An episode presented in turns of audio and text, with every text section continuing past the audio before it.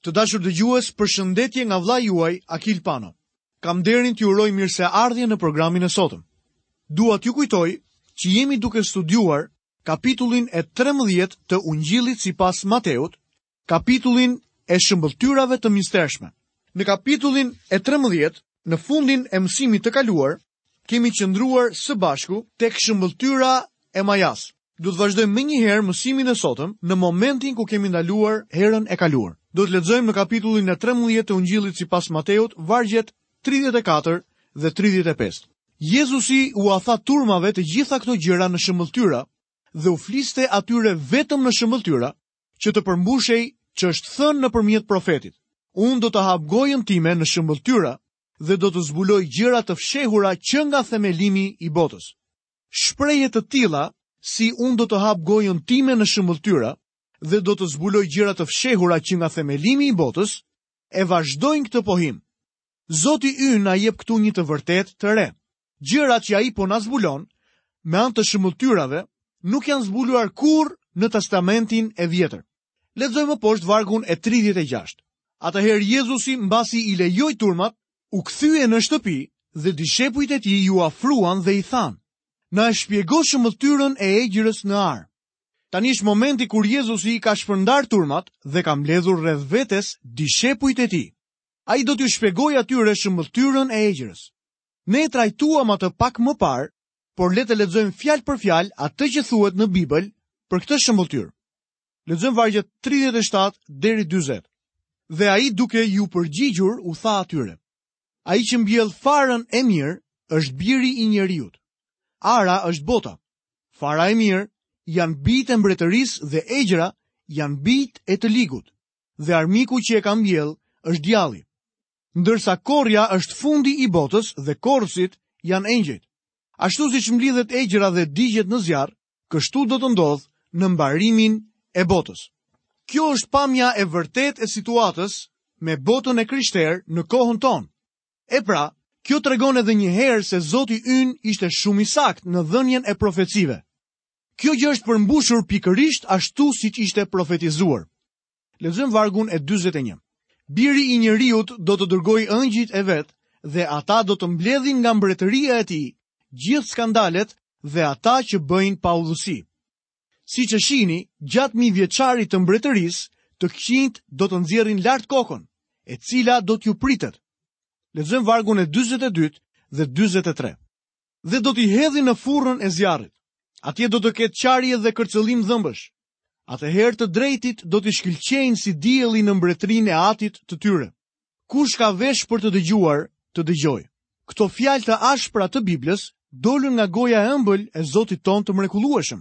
Të tre shëmbëlltyrat e fundit janë të jashtëzakonshme pasi kanë të bëjnë me disa aspekte të ndryshme të mbretërisë së qiejve ashtu siç bëjmë edhe sot. Lexojmë vargun 44. Përsëri mbretëria e qiejve i ngjan një thesari të fshehur në një arë, që një njeri që e ka gjetur e fsheh dhe nga gëzimi që ka, shkon, shet gjithçka që ka dhe e blen atë arë. Thesari simbolizon Izraelin, kurse ara botën. Njeriu është biri i njeriut që e dha veten për të shpenguar kombin izraelit. Nuk është një mëkatar ai që e blen ungjillin, sepse ungjilli nuk gjendet i fshehur në një arë. Sidoqoftë, Izraeli është me të vërtetë i varrosur nga bota e sotme. Dikush mund të thotë, po por tani ata janë një komb. Sigurisht që janë, por janë përpara një beteje. Ata nuk mund ta gëzojnë vendin e tyre pa e marrë atë nga Zoti Jezu Krisht. Para disa kohësh, isha shumë i interesuar të lexoja një gazetë që vinte nga Izraeli lidhur me një kongres shkencëtarësh. Në një pamje të gazetës vura re se mbi një platformë ishte vendosur një shenjë e madhe, e shkruar në hebraisht dhe në anglisht, në të cilën thuhej: Paqja në këtë vend do të vijë përmes paqes. Më lini t'ju them miqtë e mi, se paqja nuk mund t'i sjellë paqe as Izraelit e as ndonjë vendi tjetër. Vetëm Princi i Paqes është në gjendje që të sjellë paqen. Faktikisht Izraeli është i varrosur në të gjithë botën. Numri më i madh i popullsisë hebreje nuk gjendet në Izrael, por në qytetin e New Yorkut. Me fjalë të tjera, populli hebre është i shpërndarë në të gjithë botën. Por Perëndia nuk ka mbaruar ende punë me Izraelin si komb. Apostulli Pal ka shkruar tek Letra drejtuar Romakëve, kapitulli 11, vargu i parë dhe i dytë. Unë pra them, a thua Perëndia e hodhi poshtë popullin e vet? Aspak, sepse edhe unë jam izraelit, nga pasardhje e Abrahamit, nga fisi i Beniaminit. Perëndia nuk e hodhi poshtë popullin e vet, të cilin e njohu që përpara. Apostulli Pal besonte se Zoti nuk kishte mbaruar punë ende me Izraelin. Zakaria, njëri prej shkruesve të fundit të Testamentit të Vjetër, shkroi se për Izraelin do të vinte një ditë ku do të vërtetohej vargu që thotë: Do të derdh mbi shtëpinë e Davidit dhe mbi banorët e Jeruzalemit frymën e hirit dhe përgjërimit, dhe ata do të vështrojnë drejt meje, drejt atij që kanë therur, do të pikëllohen për të, ashtu siç pikëllohesh për një bir të vetëm, dhe do të hidhërohen shumë për të, ashtu siç hidhërohesh fort për një të parëlindur. Në shumë pjesë profeti Jeremia flet për rimbledhjen e popullit të Izraelit dhe se si Perëndia do t'i sjellë ata në tokën e tyre. Kjo i referohet ende së ardhmes, kur Perëndia t'i mbledhë ata, mrekullitë do të jenë aq të mëdha saqë ata do të harrojnë edhe shpëtimin e jashtëzakonshëm nga Egjipti, përkujtimi i së cilit përbën festën më të vjetër të tyre fetare. Perëndia nuk ka mbaruar ende me Izraelin, dhe këtë e vërteton edhe kjo shëmbëlltyrë. Izraeli është thesari i fshehur në arë, dhe Krishti është ai që nga gëzimi që ka, Shkon, shet gjithçka që ka dhe e blen atë arë. Në fakt, ai e dha veten për të shpenguar kombin. Zoti yni bleu ata me gjakun e tij, ashtu siç bleu edhe shpëtimin tuaj dhe timin. Profeti Zakaria në Testamentin e Vjetër flet për pastrimin që do të ndodhë në kohën e kthimit të Krishtit në tokë. Këtë profeci e gjejmë të dokumentuar tek libri i profetit Zakaria, Kapitulli i trembëdhjetë dhe vargu i parë. Atë ditë do të hapet një burim për shtëpinë e Davidit dhe për banorët e Jeruzalemit, për mëkatin dhe për papastërtinë. Le të shohim më poshtë shëmbëlltyrën e margaritarit të çmueshëm. Lexojmë vargjet 45 dhe 46. Akoma mbretëria e qiejve i ngjan një tregtari që shkon të kërkojë margaritarë të bukur.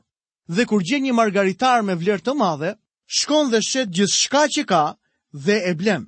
Interpretimi më i njohur i kësaj shëmbëlltyre thotë se tregtari është mëkatari, kurse margaritari me vlerë të madhe është Krishti.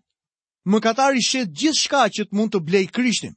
Nuk mund ta pranoj këtë interpretim dhe kësisoj e kam anashkaluar atë si të pavlerë për t'u marrë në konsideratë. Së pari, kush kërkon margaritarë të bukur? A po kërkojnë shpëtimin mëkatarët? Në Biblën time nuk thuhet kështu, dhe përvoja ime si shërbëtor i Zotit e konfirmon këtë gjë. Mëkatarët nuk po kërkojnë shpëtim. Tregtari nuk mund të jetë mëkatari sepse ai nuk ka me se të paguajë. Ai nuk po e kërkon Krishtin, por edhe në rast se do të ishte, a mund ta blinte vërtet Jezusin? Tregtari shet gjithçka që ka. Si mund të shesë një mëkatar atë që ka, kur ka vdekur në faje dhe në mëkate?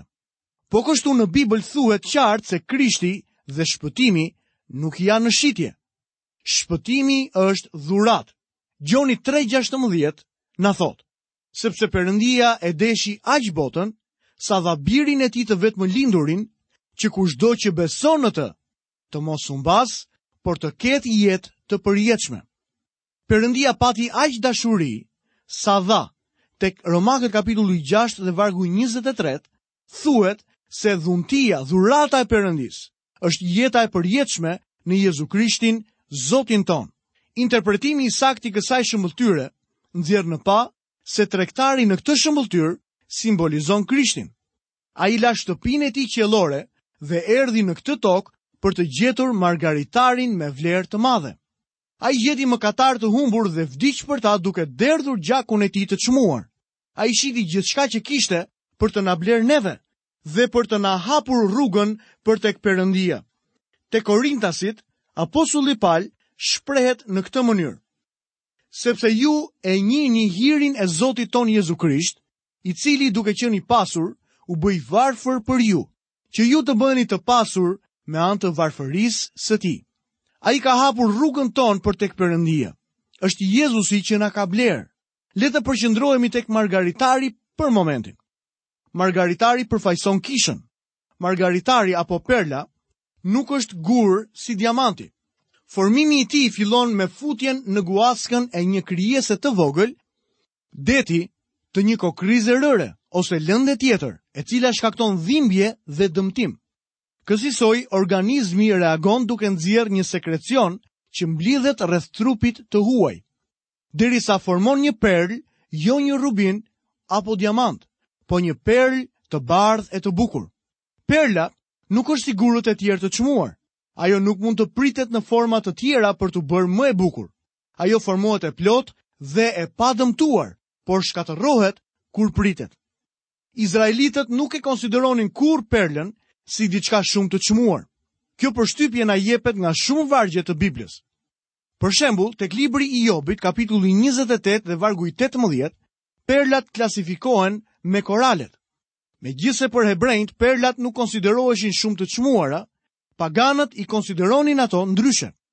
Kur Krishti përdori fjalën margaritar, që do thotë perlë, me vlerë të madhe, ma merr mendja se dishepujt e tij pyetën veten si ka mundësi Banorët e lindjes i kishin dhënë perlës kuptimin simbolik të pafajësisë dhe pastërtisë për të cilësuar vetëm mbretërit dhe njerëzit me pozitë.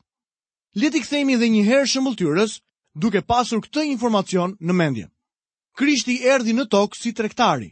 Ai e pa njeriun në mëkat dhe e mori mëkatin njerëzor duke e mbartur atë në trupin e tij në kryq. Mëkati ynë u fut në trupin e tij, ashtu siç kokrriza e rërës në krijesën e vogël të detit, prej së cilës si rezultat krijohej perla. Ai u bë kësisoj mëkat për shkakun tonë. Siç kanë thënë një herë, secili prej nesh hyri në zemrën e Krishtit përmes një plage të hapur nga heshta. Krishti pra u tejshpua për shkak të shkeljeve tona, u shtyp për paudhësitë tona. Vini re reagimin e Krishtit ndaj mëkatarit. Ai na mbulon me mantelin e tij të drejtësisë. Dhe Pali vazhdon të thotë, ne në fakt jemi vepra e tij e krijuar në Krishtin Jezus. Tani Krishti nuk na sheh siç jemi, por siç do të paraqitemi një ditë përpara tij, si një kishë e lavdishme, pa njolla a rrudha, a ndonjë gjë të tillë, por që të jetë e shenjtë dhe e paqortueshme. Krishti shiti gjithçka që kishte që të mund të fitonte kishën. Shikoni se çfarë thotë Gjoni tek letra e tij e parë, kapitulli 3 dhe vargu i dytë. Shumë të dashur, tani jemi bij të Perëndisë, por ende nuk është shfaqur ç'do të jemi. Por dimë se kur të shfaqet ai, do të jemi të ngjashëm me të. sepse do ta shohim se si është ai. Tek libri i Zbulesës, libri i fundit i Biblës, gjejmë një përshkrim të Jeruzalemit të ri, shtëpisë që kisha do të ketë në të ardhmen. Vini re emblemën që gjendet jashtë qytetit, portat janë bërë me perla. Pa dyshim, miqtë e mi, që kjo nuk është rastësi, por është planifikuar kështu sipas projektimit të Krishtit. E pra, ai është tregtari që kur gjen një margaritar me vlerë të madhe, shkon dhe shet gjithçka që ka dhe e blen atë. Shikojmë shëmbëlltyrën tjetër, shëmbëlltyra e rrjetës së hedhur në det.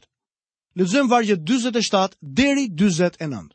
Mbretëria e qiejve i ngjan gjithashtu një rrjete të hedhur në det, që mbledh gjithfarë lloj gjërash. Kur ajo është mbushur, peshkatarët e nxjerrin atë në breg, ulen dhe mbledhin në kosha ç'është e mirë, por i hedhin ato që nuk janë të mira. Kështu do të ndodhë në mbarimin e botës. Do të vijnë engjëjt dhe do t'i ndajnë të mbrapshtit nga të drejtët. Kështu do të ndodhë në mbarimin e botës. Fjala greke botë e përdorur këtu është aion, që do të thotë epokë ose kohë. Bibla nuk na mëson për mbarimin e kësaj bote.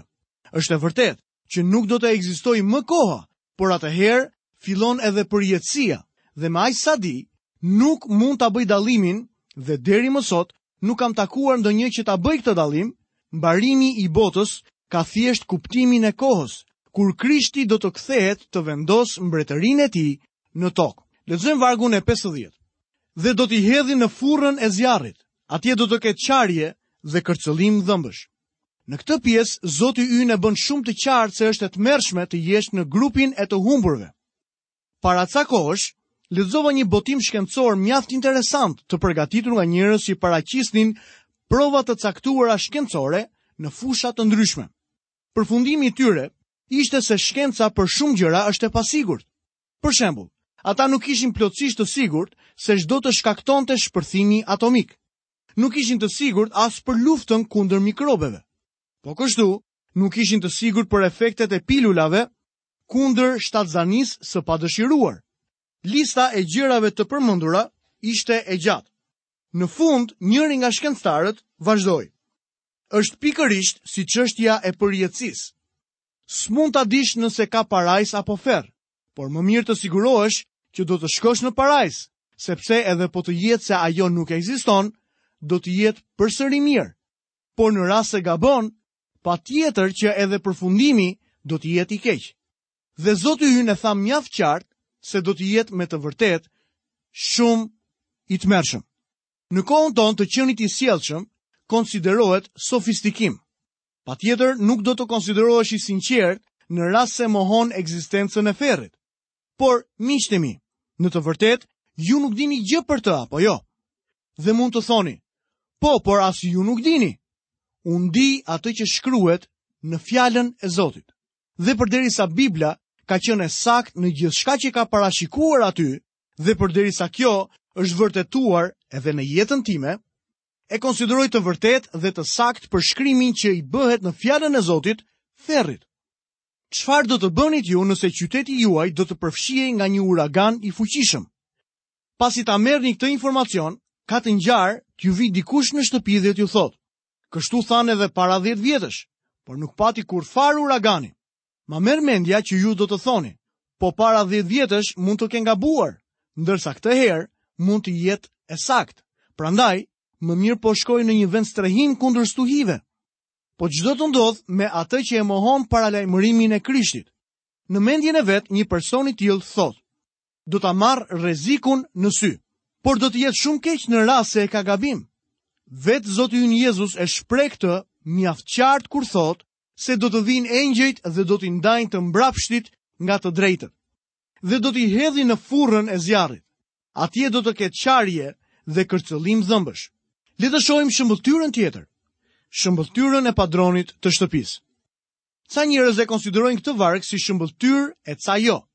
Sidoqoftë, konteksti i këtij vargu të vetëm ka një mesazh të rëndësishëm për ne. Lexojmë vargun e 52. Dhe ai u tha atyre.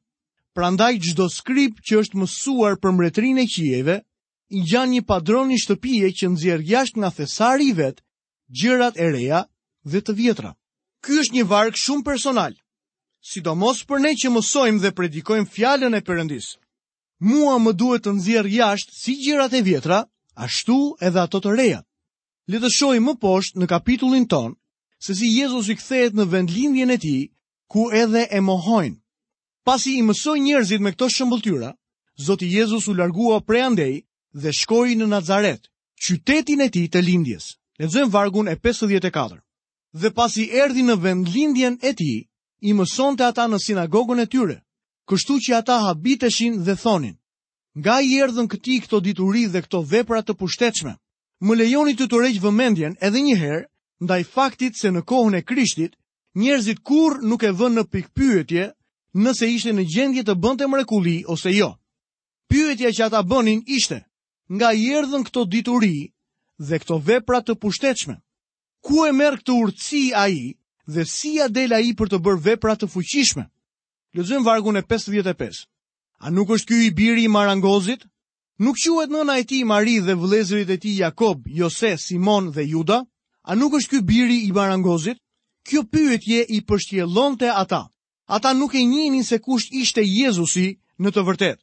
Sipas tyre, ai ishte thjesht i biri i një zdrukthtari. Edhe për disa njerëz të kohës sonë, Jezusi thjesht konsiderohet si i tillë. Ata mendojnë se ai ishte një mësues i jashtëzakonshëm, një njeri i madh, një person i mrekullueshëm, por ama, thjesht në pozitat e një biri zdrukthtari. Lexojmë vargun e pesëdhjetë e gjashtë. Dhe motrat e tij nuk janë të gjitha ndër ne? Atëherë nga i erdhën atij të gjitha këto? Është më se e qartë se Zoti Jezus kishte motra dhe vëllezër. Domethënë, motra dhe vëllezër nga nëna, që ishin më të vegjël se ai në moshë, dhe që kishin prindër Jozefin dhe Marinë. Ata e kuptuan se ai ishte me të vërtetë biri i Perëndisë vetëm kur ai u ringjall prej së vdekurish. Lexojmë vargun e 57. Dhe skandalizoheshin me të. Por Jezusi u tha atyre: Asnjë profet nuk përçmohet veçse në vendlindjen e vet dhe në shtëpinë e vet. Pra siç e shihni, bashkëqytetarët e tij e njihnin kaq mirë atë dhe familjen e tij, saqë skandalizoheshin me të, që do të thotë, ofendoheshin prej tij. Ma merr mendja që ata thoshnin, ne e njohim familjen e tij, ai këtu me ne u rrit, ku i gjen ky këto gjëra që na mëson? Lexojmë vargun e 58. Dhe për shkak të mosbesimit të tyre, ai nuk bëri aty shumë vepra të pushtetshme. Kjo është një zbulesë e jashtëzakonshme. Vini re se çfarë ishte ajo që e kufizoi fuqinë e Perëndisë kur vetë Zoti ishte midis tyre. Ishte mosbesimi, dhe për shkak të mosbesimit të tyre, ai nuk bëri aty shumë vepra të pushtetshme. Nuk është se Jezusi nuk mund t'i bënte ato, por për shkak të këtij mosbesimi, Jezusi bëri pak mrekulli atje. Miqtë e mi, problemi i madh që kemi ne të gjithë është se nuk kemi edhe aq besim dhe këtu e kam fjalën për besimin për shpëtimin e burrave dhe grave. Na duhet ai lloj besimi që nuk e vë kurrë në dyshim se Krishti mund t'i shpëtojë me të vërtetë të humburit. Për shkak të mungesës së besimit, sot Jezusi është i kufizuar në komunitetin tuaj, në kishën tuaj, në familjen tuaj dhe në jetën tënde personale. Kjo pa dyshim vlen edhe për mua. Në këtë pikë, Zoti ynë deklaron një të vërtetë të madhe. Le të mos e anashkalojmë atë. Të dashur dëgjues, këtu kemi arritur në mbylljen e programit të sotëm. Nga unë vëllai juaj Akil Pano, bashkë mirudëgjofshim në emisionin e ardhshëm.